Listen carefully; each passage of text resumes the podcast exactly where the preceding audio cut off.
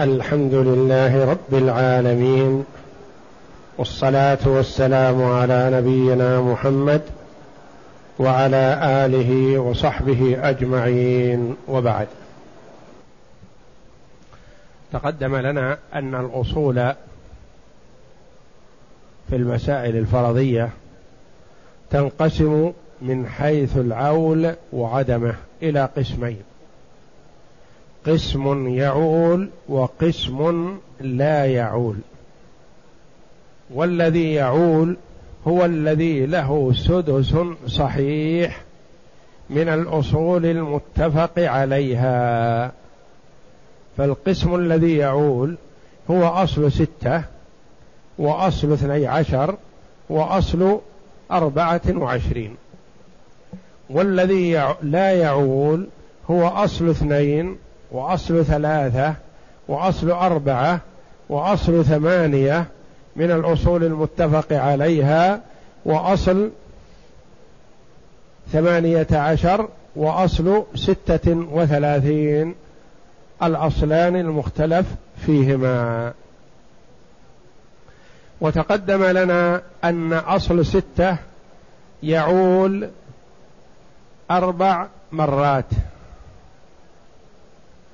يعول إلى سبعة ويعول إلى ثمانية ويعول إلى تسعة ويعول إلى عشرة وهو نهاية عوله. أصل ستة يعول إلى سبعة وإلى ثمانية وإلى تسعة وإلى عشرة. وعرفنا هذا وأن مسائله متعددة.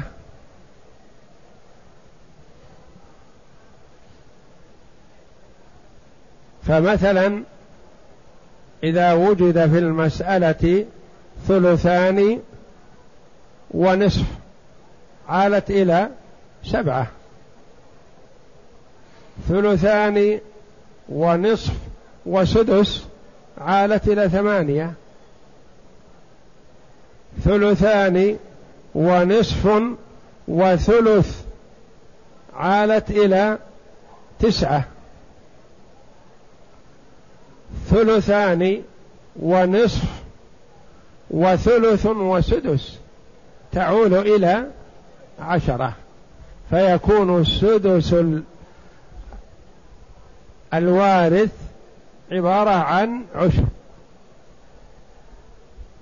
والعول عرفناه هو زيادة في السهام نقص في الأنصبة. يعني تزيد سهام المسألة. ثلثان ونصف.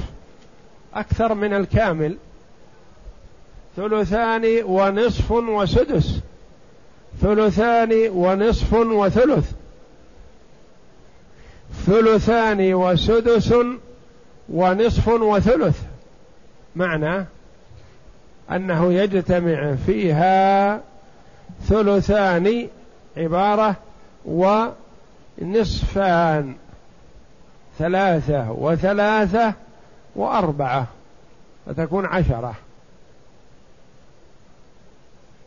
فمعناه أنها زادت سهام المسألة لكن نصيب الوارث قل نصيب الوارث قل بدل من كونه يأخذ سدس كامل واحد من ستة قد يأخذ واحد من سبعة أو يأخذ واحد من ثمانية أو يأخذ واحد من تسعة أو يأخذ واحد من عشرة عشر. وعرفنا أن العول أول ما حدث ووجد في زمن عمر بن الخطاب رضي الله عنه وأنه جمع الصحابة واستشارهم في ذلك فأشاروا بالمحاصة والعول وجعلوا ذلك بمنزلة الديون إذا كثرت على المدين ولم تكن التركة مستوفية للديون مستكملة لها فيكون النقص بالحصص. وهكذا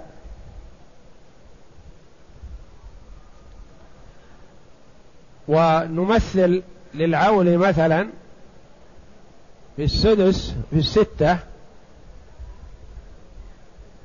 أختان شقيقتان وزوج. كم من كم المسألة من من ستة. للأختين الثلثان. الثلثان كم من الستة؟ أربعة. وللزوج النصف. النصف من ستة كم؟ ثلاثة. نجمع ثلاثة وأربعة كم صارت؟ سبعة. يعني تقسم المسألة على سبعة. فنعطي الزوج ثلاثة من سبعة ونعطي الأختين أربعة من سبعة. مثلا أختان لأب وزوج وأم. المسألة من ستة. للأختين الثلثان أربعة. وللزوج النصف ثلاثة هذه سبعة وللأم السدس واحد لوجود الجمع من الأخوات والجمع اثنان فأكثر. أضف إلى هؤلاء أخت لأم تكون من تسعة.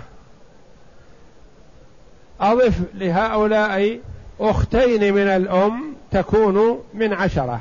يكون فيها ثلثان للزو للأختين الشقيقتين أو لأب ويكون فيها ثلث للأختين لأم ويكون فيها سدس للأم ونصف للزوج. أصبحت من عشرة. نعم اقرأ.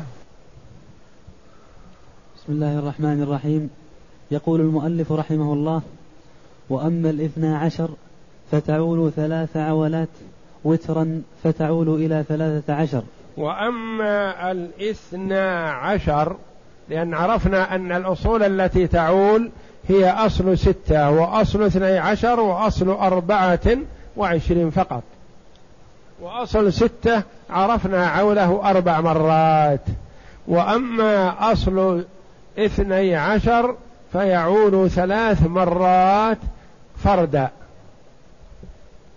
لا شفع يعني تعول الاثنى عشر إلى ثلاثة عشر وإلى خمسة عشر وإلى سبعة عشر فقط.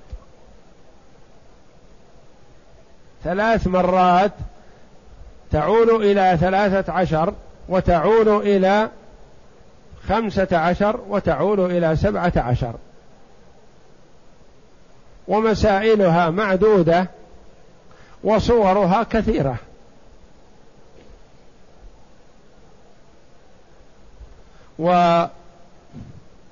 وترتيبها يعني كيف نعرفها؟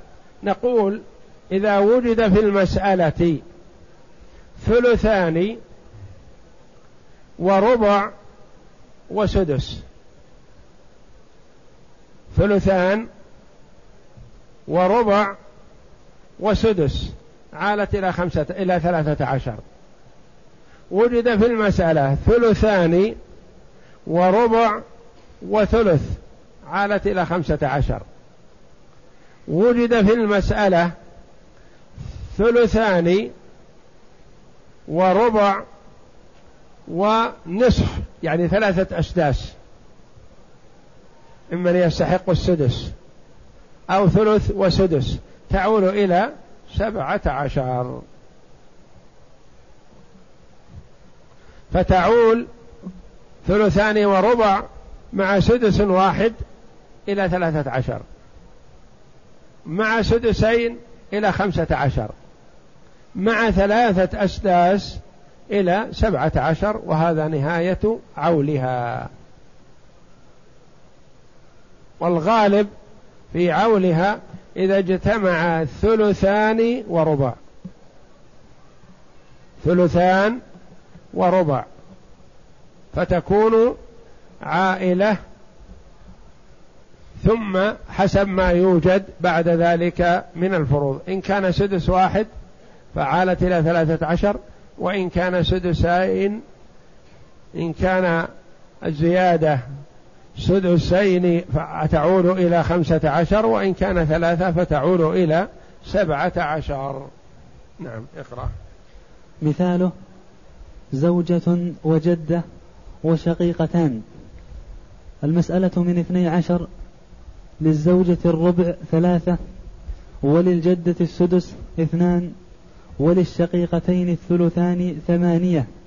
عالت إلى ثلاثة عشر. انظر. أصول هذه المسألة زوجة وجدة وشقيقتان. زوجة تأخذ الربع وشقيقتان تأخذ الثلثين وجدة تأخذ السدس. فتعول هذه المسألة إلى ثلاثة عشر لأن للجدة السدس اثنان من اثني عشر. وللزوجة لعدم الفرع الوارث الربع ثلاثة من اثني عشر. هذه كم؟ خمسة. وللشقيقتين الثلثان ثمانية. ثمانية من من اثني عشر ثمانية مع الخمسة كم تكون؟ ثلاثة عشر. هذه عالت بنصف السدس.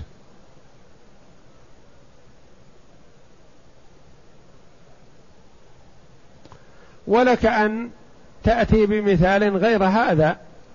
فتقول مثلا بنتان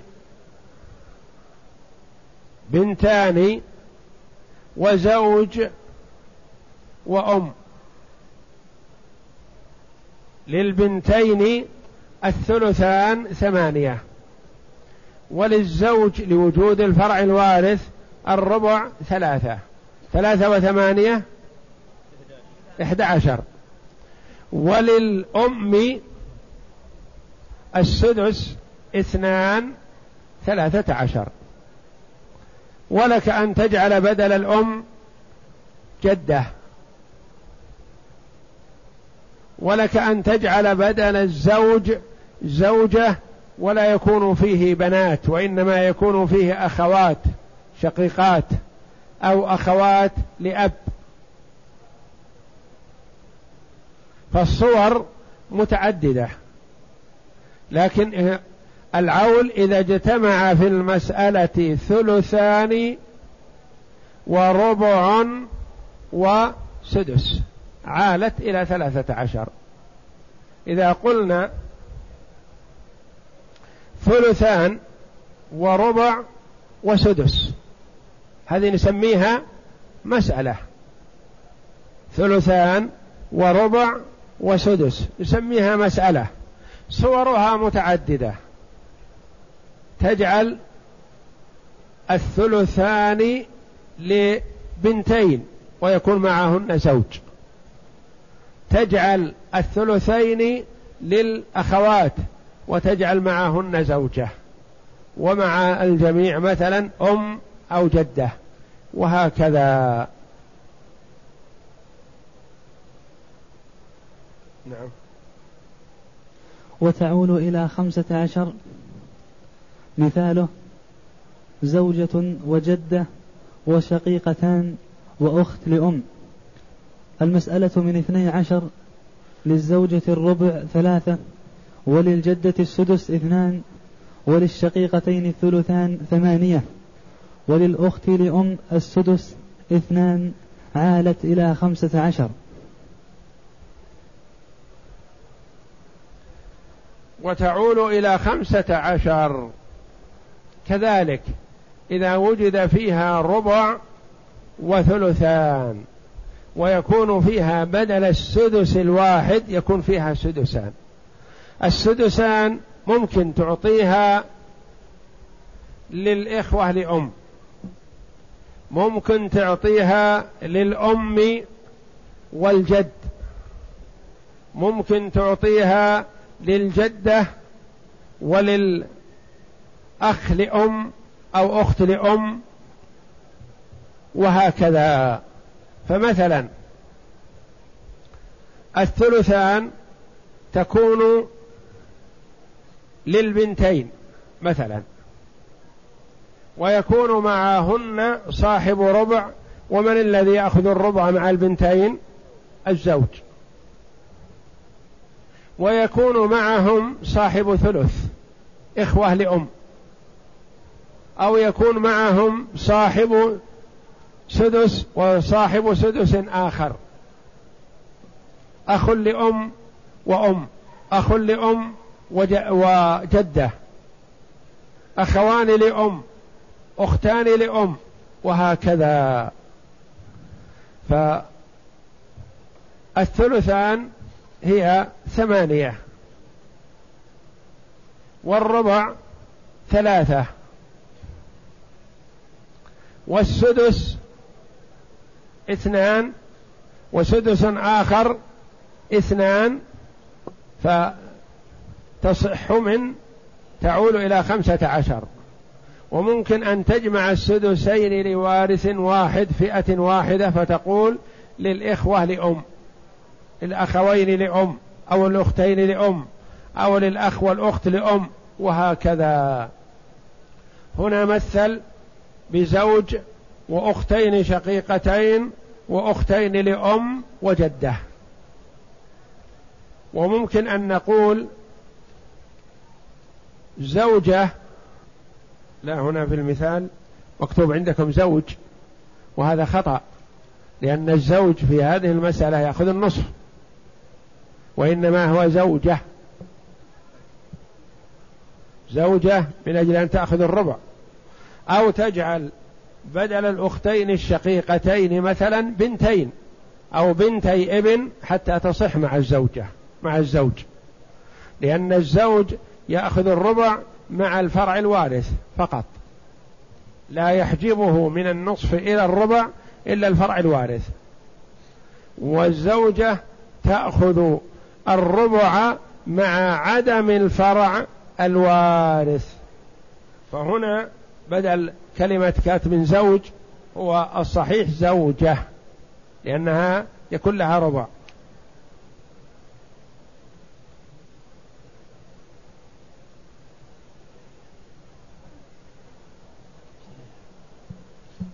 وفي الكتابة كتبها زوجة لكن في الجدول قال زوج.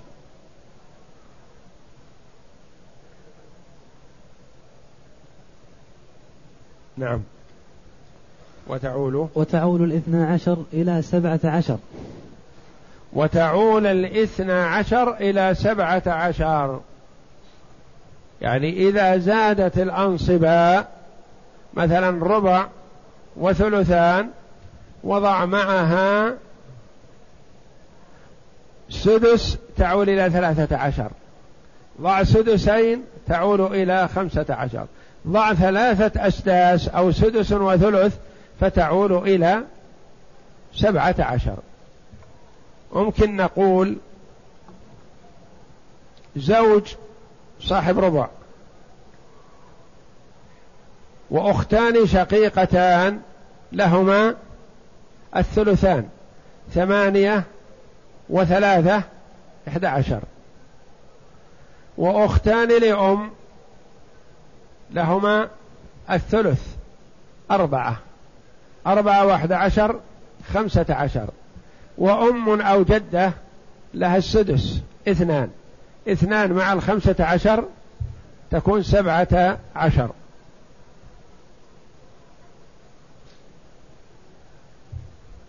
ومثاله؟ ومثاله ثلاث زوجات وجدتان وأربع ثلاث اضبطها. ثلاث زوجات وجدتان وأربع أخوات لأم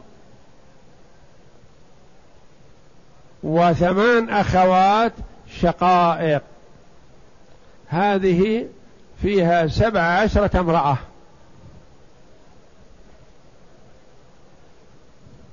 سبع عشرة امرأة. والتركة مثلا سبعة عشر دينار. تأخذ كل امرأة دينارا واحدا وهذه تسمى أم الفروج لأن أص... أصحابها كلهم إناث. وتسمى أم الأرامل وتسمى السبعة عشرية. حيث أن فيها سبع عشرة امرأة والتركة سبعة عشر دينار مثلا كل واحد أخذ الدينار. وتسمى بالدينارية. ومثال آخر تسمى المنبرية في آه، العول إلى أربعة سبعة وعشرين. فالإثنى عشر تعول ثلاث مرات. المرة الأولى إلى ثلاثة عشر. المرة الثانية إلى خمسة عشر. المرة الثالثة إلى سبعة عشر. والثلاث الزوجات سيان زوجة واحدة أو اثنتان أو ثلاثة وأربع. ما تخ... ما يختلف الحكم. وجدتان ما يختلف الحكم. جدة واحدة أو جدتان أو ثلاث جدات مثلا.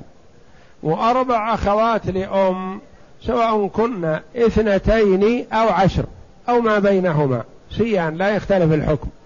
وثمان أخوات شقائق سواء كن اثنتين أو عشر أو ما بينهما. لكنه وضع هذا العدد ليكون بمق... لكل واحدة منهما دينار إذا كانت التركة اثنى سبعة عشر دينار. وكان العدد متساوي وميراثهن متساوي في هذه الحال. هذه عولات الإثني عشر. تعول إلى ثلاثة عشر وإلى أربعة عشر وإلى سبعة خمسة عشر وإلى سبعة عشر. ثلاث مرات فقط. وترا لا شفعا نعم. مثاله ثلاث زوجات وجدتان وأربع أخوات لأم وثمان أخوات شقائق. المسألة من اثني عشر. للزوجات الربع ثلاثة وهن ثلاث منقسم عليهن. وللجدات السدس اثنتان وهن اثنتان مقسم عليهن. وللأخوات لأم الثلث أربعة وهن أربع منقسم عليهن. وللشقائق الثلثان ثمانية وهن ثمان منقسم عليهن. وتلقب هذه المسألة بأم الفروج. لأنها كل أصحابها إناث. نعم. وأم الأرامل لأنها أرامل نساء نعم. وبالسبعة عشر وبالسبعة عشرية والسبعة عشرية لأنه التركة ورد فيها سبعة عشر دينار. نعم. وبالدان وبالدينارية الصغرى. وبالدينارية الصغرى لأن كل وارث أخذ دينار واحد. وتساوينا. نعم. وأما الأربعة وعشرون فتعول مرة واحدة بثمنها إلى سبعة وعشرين ولقلة عولها تلقب بالبخلة. هذه تسمى بالبخيلة. البخيلة ساقط ياء. عندكم بعد الخاء ما ما كتبت الياء. بالبخيلة.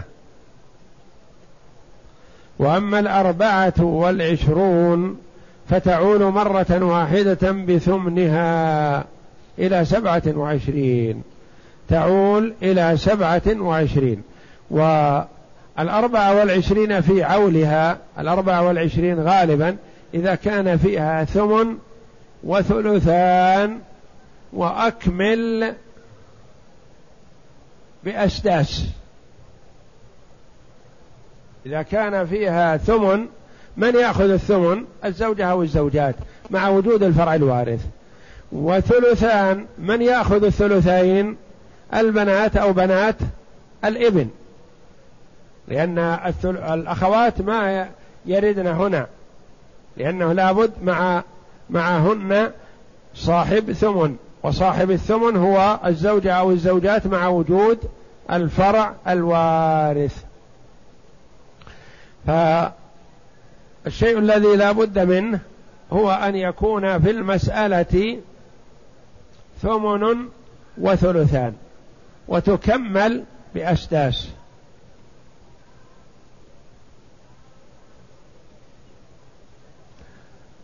فمثلا زوجة وبنت وبنت يا زوجة وبنتان وأب وأم. أبوان وبنتان وزوجة. هذه مسألتها من أربعة وعشرين لأن عندنا فيها ثلثان للبنتين وعندنا ثمن للزوجة من أربعة وعشرين. نعطيهم للزوجة الثمن ثلاثة وللبنتين الثلثان ستة عشر. ستة عشر وثلاثة كم؟ تسعة عشر. وللأب السدس أربعة. أربعة مع تسعة عشر كم؟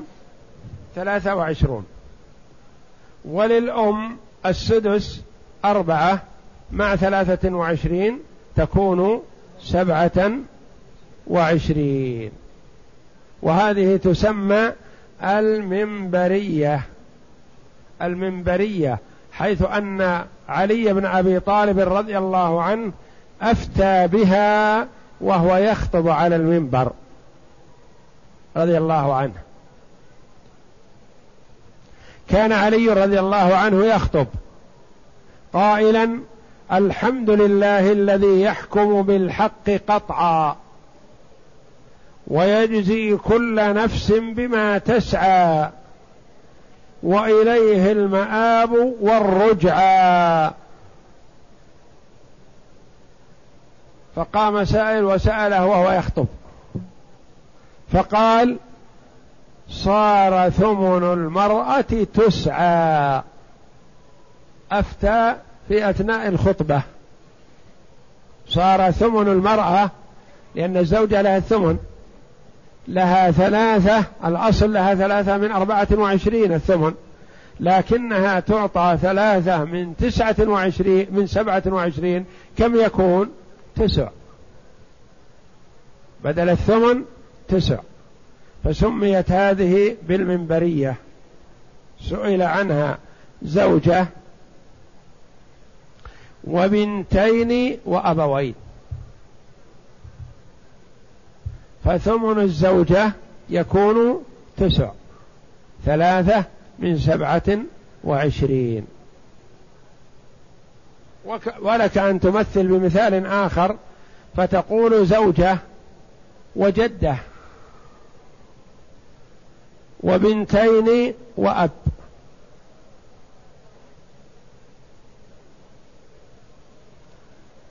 زوجة وجدة وبنتين وأب. لأن لابد أن يكون في المسألة ثلثان وثمن. الثلثان والثمن لا يجتمعان إلا في البنتين مع الزوجة. أو بنتي الإبن مع الزوجة. أو بنتي ابن الإبن وإن نزل مع الزوجة.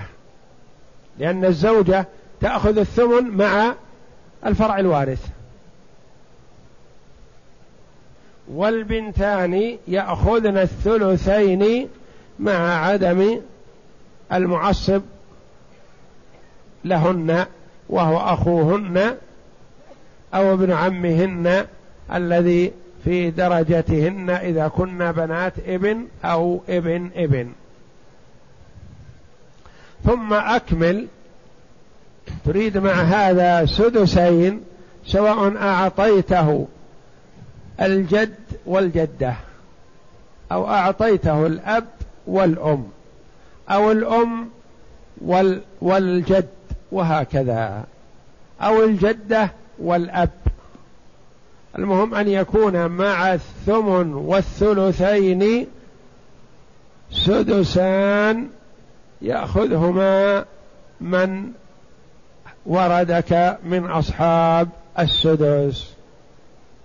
وإلا فلا يتأتى معهم صاحب ثمن صاحب الثلث لا يتأتى لأن أصحاب الثلث هو الأم وولداها والأم ما تأخذ الثلث مع الفرع الوارث وولد الأم لا يرث مع الفرع الوارث من بنات وغيرهن. نعم. ومثاله زوجة وجدة وبنتان وللجدة السدس أربعة وللبنتين الثلثان ستة ستة عشر. وللأب السدس أربعة. عالت إلى سبعة وعشرين. اقسم. هلك هالك عن أختين لغير أم. إذا قلنا لغير أم يشمل سواء كن شقائق أو لأب. أختين لغير أم وزوج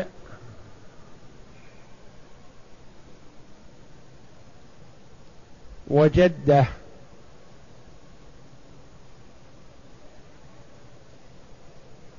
أختين لغير أم وزوج وجدة.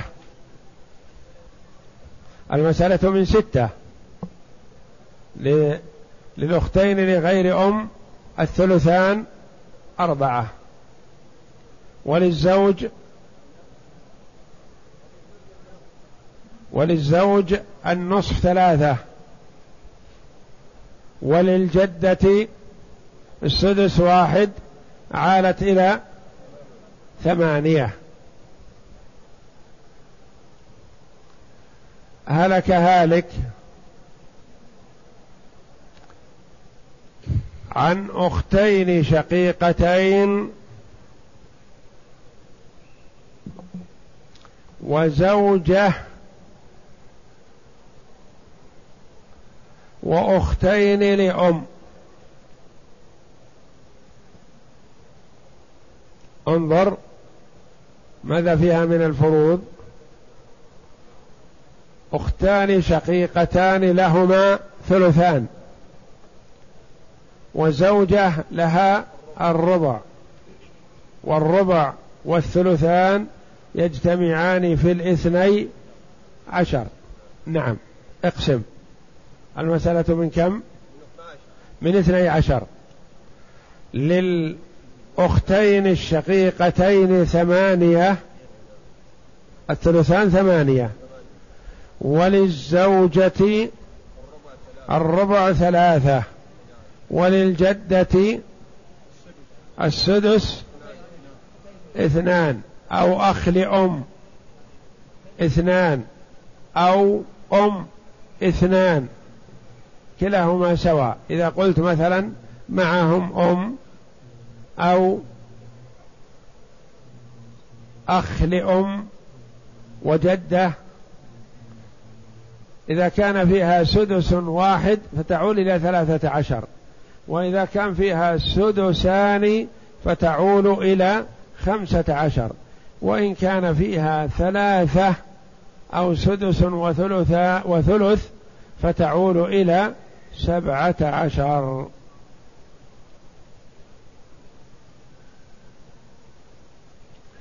هالك عن زوج وبنتين وأم.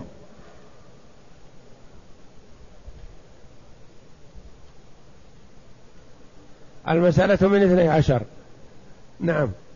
للزوج الربع ثلاثة. وللبنتين الثلثان ثمانية. وللأم السدس اثنان عالت إلى ثلاثة عشر. هالك عن زوج وبنتين وجد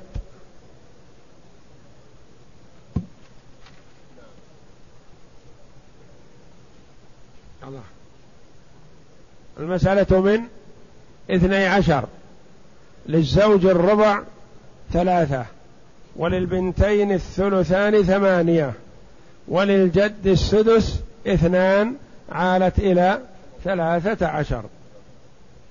هالك عن زوجة وأختين شقيقتين وأم. المسألة من من اثني عشر للزوجة الربع ثلاثة وللأختين الشقيقتين الثلثان ثمانية وللأم السدس اثنان عالت إلى ثلاثة عشر. هالك عن زوجة وشقيقتين وأم وأخ لأم.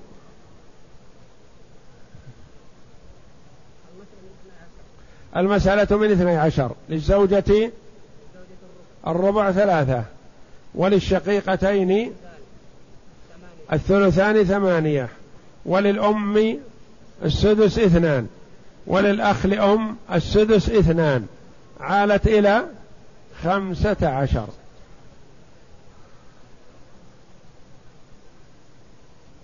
هالك عن زوجة وشقيقتين وجدة وأخ لأم.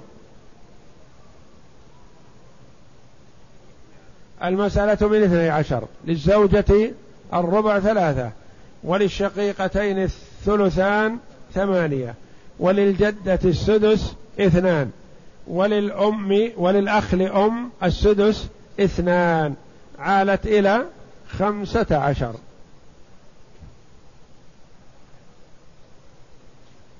هالك عن زوج وبنتين وأم وجد.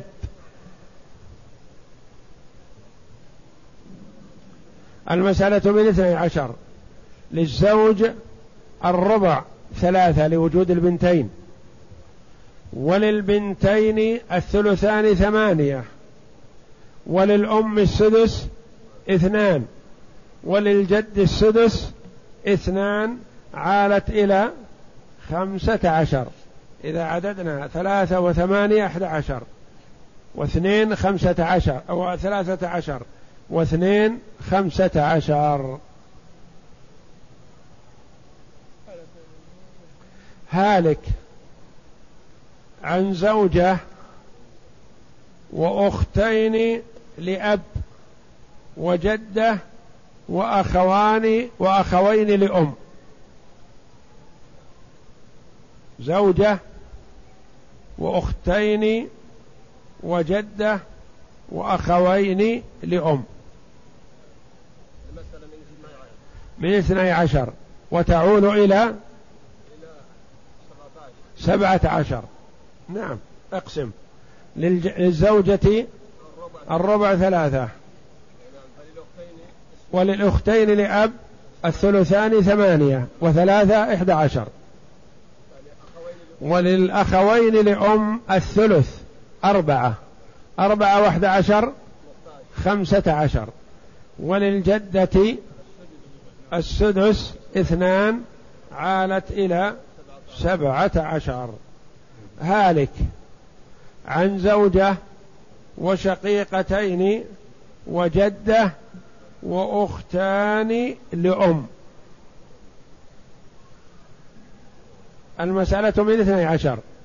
للزوجة الربع ثلاثة وللشقيقتين الثلثان ثمانية وللجدة السدس اثنان وللأختين لأم الثلث أربعة عالت إلى سبعة عشر. أخرى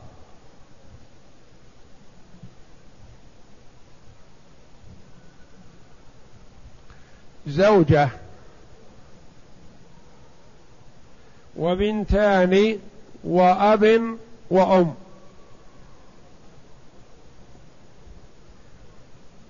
المسألة من أربعة وعشرين.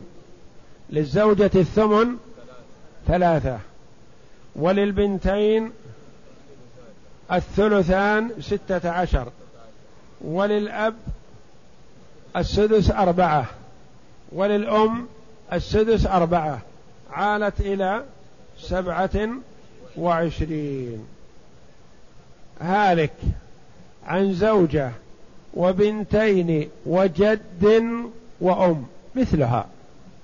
هالك عن زوجة وبنتين وجد وجدة مثلها. المهم أن يكون فيها ربع ثمن وثلثان. وأصحاب سدسين. الجد والجدة أو الأب والأم أو الأب والجدة أو الأم والجد. وهذه صورها ثلاثة عشر ثلاث مرات وخمسة عشر ثلاث مرات وسبعة عشر اثنتان وأربعة وعشرون ثلاث. يقول السائل ما هي أفضل أوقات الدعاء؟ الدعاء مخ العبادة وهو يستحب في كل وقت. إلا أن أوقات الإجابة أولى من غيرها وأفضل. أوقات الإجابة بين الأذان والإقامة وخاصة لمن كان في المسجد. ومن أوقات الإجابة وقت السحر. ومن أوقات الإجابة عند نزول المطر. ومن أوقات الإجابة آخر ساعة من يوم الجمعة. بعد العصر. ومن أوقات الإجابة من حين دخول الخطيب يوم الجمعة إلى أن تقضى الصلاة. ومن أوقات الإجابة عند انشراح الصدر والقلب للدعاء. هذا وقت من أوقات الإجابة خاص بهذا المنشرح صدره فيلح بالدعاء ويكثر. يقول السائل ما حكم مصافحة المرأة الأجنبية؟ لا يجوز للرجل أن يصافح المرأة الأجنبية ولو من وراء حائل يعني من وراء الثوب. لأن النبي صلى الله عليه وسلم كما قالت عائشة رضي الله عنها ما مست يد رسول الله صلى الله عليه وسلم يد امرأة لا تحل له. كان يبايع النساء عليه الصلاة والسلام كلاما لا مصافحة. فلا يجوز للرجل أن يصافح المرأة الأجنبية. حتى ولو كان من وراء الثوب. لأن اللمس أشد. كما لا يجوز له النظر فلا يجوز له اللمس ولو من وراء الثوب.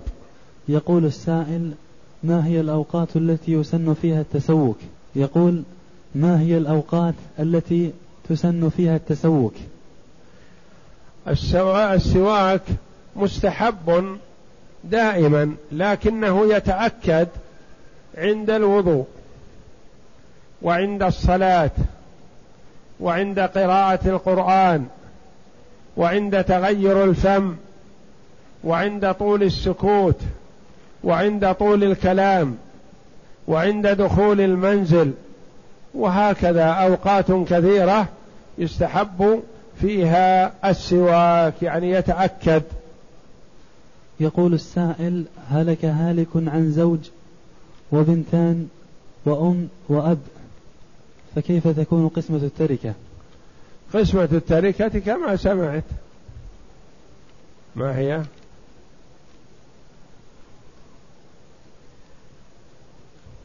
زوج له الربع في هذه الحال والبنتان لهما الثلثان. المسألة من اثني عشر. ثلاثة وثمانية إحدى عشر. وأم لها السدس اثنان. ثلاثة عشر. وأب له السدس اثنان. عالت إلى خمسة عشر. لأن فيها ربع وثلثان وسدسان. يقول السائل طلقت زوجتي وهي حامل وبعد ثلاثة أشهر سقط الجنين سقط من بطنها فهل هي زوجة حتى الآن أم لا؟ إذا طلق الرجل امرأته وهي حامل فعدتها تنتهي بوضع الحمل. فإن وضعت الحمل إنسان بين خرجت من العدة. وإن لم يخرج منها إنسان يعني سقط أو حصل معها نزيف في حدود ثلاثة أشهر للحمل فإنه ما يكون تبين فيه خلق إنسان غالبا. إذا لم يكمل الثلاثة الأشهر فحينئذ لا تخرج من العدة بالعوار الذي لا يرى فيه صفة إنسان. فالعدة تنتهي عدة الحامل بوضع ما تبين فيه خلق إنسان. فإن تبين فيه ذلك خرجت من العدة وإلا فإنها لا تزال في عدتها. يقول السائل رجل تزوج بامرأة قبل انقضاء عدتها ولم يعلم الزوج إلا بعد مضي زمان فما حكم عقد النكاح؟ إذا تزوج الرجل امرأة لا تزال في عدتها. فعقده باطل ولا يصح الاستمرار عليه بل يجب أن يفرق بينهما وتكمل عدة الأول وتعتد من العقد الثاني إن كان حصل فيه وطء ثم يعقد عليها من جديد. يقول الأخ في سؤال طويل يقول بعض الصوفية وأصحاب الموالد إن إقامة المولد ورد ذكره في القرآن ويستدلون بقوله تعالى وبذلك فليفرحوا هو خير مما يجمعون. وأين ذكر المولد فيه؟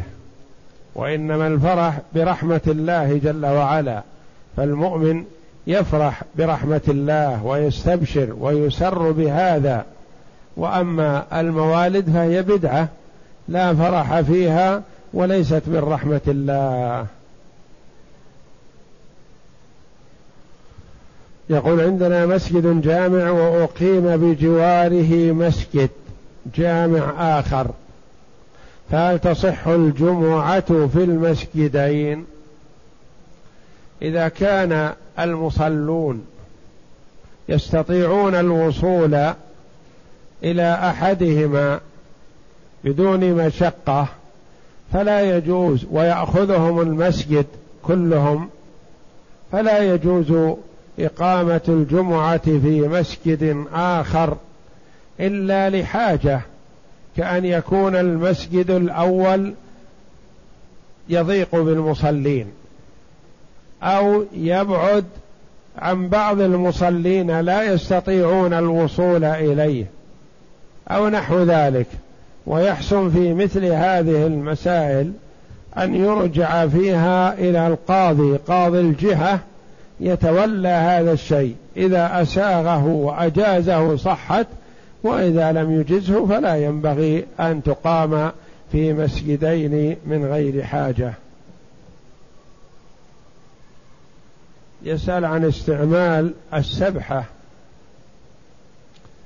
إذا اعتقد المرء أن استعمال السبحة قربة لله جل وعلا فلا يجوز هذا.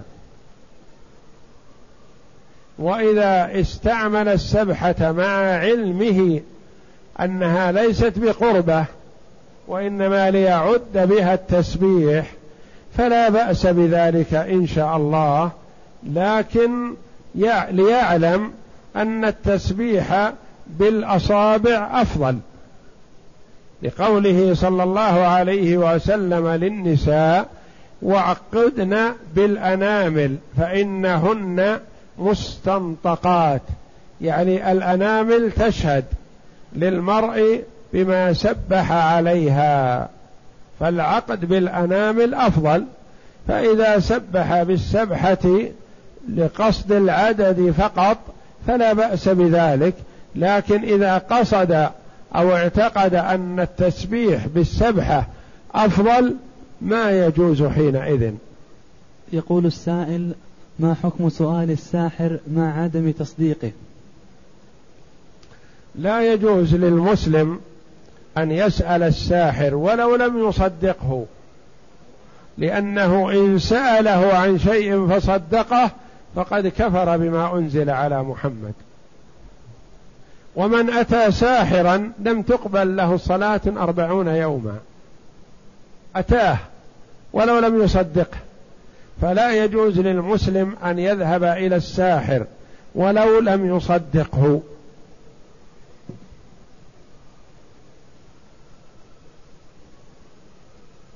يقول السائل هل الغسل يوم الجمعة كغسل الجنابة؟ الغسل يوم الجمعة نعم هو مستحب على رأي جمهور العلماء ويرى بعضهم وجوبه لكن الجمهور على الاستحباب فإذا اغتسل فهو كغسل الجنابة من حيث الصفة له صفة مجزئة وله صفة كاملة فالمجزئة أن يعم الماء ببدنه والكاملة أن يتوضأ الوضوء الكامل ثم يغسل رأسه ثلاثا ثم يعمم بدنه بالماء ثلاثا.